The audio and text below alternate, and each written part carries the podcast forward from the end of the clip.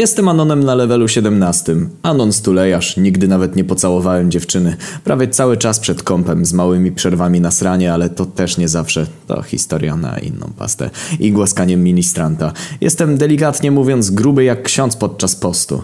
Wielki jak zasługi dla świata pewnego słynnego austriackiego akwarelisty, ale to nie o tym. Pewnego dnia mamę poprosiła mnie, żebym skoczył do sklepu po kiełbasę. Wiem, że jak nie wyjdę to odłączy neta, więc niechętnie wyłączam kompa i na wszelki wypadek blokuję kompa. Mamy daje mi 50 cebulionów i mówi, że mam kupić 2 kilo kiełbasy. No okej, okay, im szybciej wyjdę, tym szybciej wrócę do kompa. Muzyka na uszy i idę. Po jakichś 10 minutach jestem przy sklepie, zwykły osiedlowy prowadzony przez idealne wyobrażenie typowej grażynki. Podchodzę do stoiska z mięsem i się poczułem jakby mi Cejrowski nowe buciki zapierdolił. W chuj kiełbas! Od małych serderków po wielkie czarne kaszanki. Wyciągam słuchawki z uszu i proszę, aby ekspedientka podeszła, żebym mógł coś wybrać. Kątem oka widzę dwóch sebiksów wbijających do sklepu. Pytam się tej podstarzałej zmywarki, co ona poleca, bo ja w kiełbasach nie gustuję, Lenny Face, i może ona coś zaproponuje. W międzyczasie Sebiksy się ustawiają w kolejce tuż za moimi plecami. Wtedy nie wiedziałem, że to preludium do apokalipsy, która miała za moment nastąpić. Poprosiłem o dwa kilo śląskiej. Wtedy czuję mocne jebnięcie w ramię. Sebiksy, które stały za mną, pytają, czy jestem niedojebany na głowę, że śląską kupuję.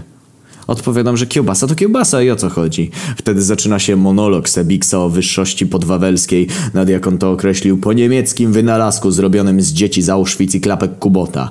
Normalnie, gdyby ojciec święty usłyszał, że kupuje to gówno, to by mi tymi samymi ustami co całową polską ziemię napluł w ryj i sprzedał plaskuna.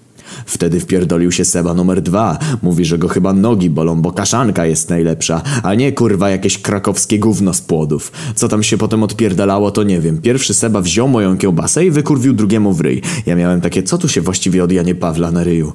Czy ja właśnie rozpętałem wielką wojnę kiełbasianą? Kieruję się do wyjścia, ale przez drzwi wbijają dwa oddziały Sebów. Kurwa Anony, jestem świadkiem ustawki kiełbasianej. Napierdalają się jak pojebani.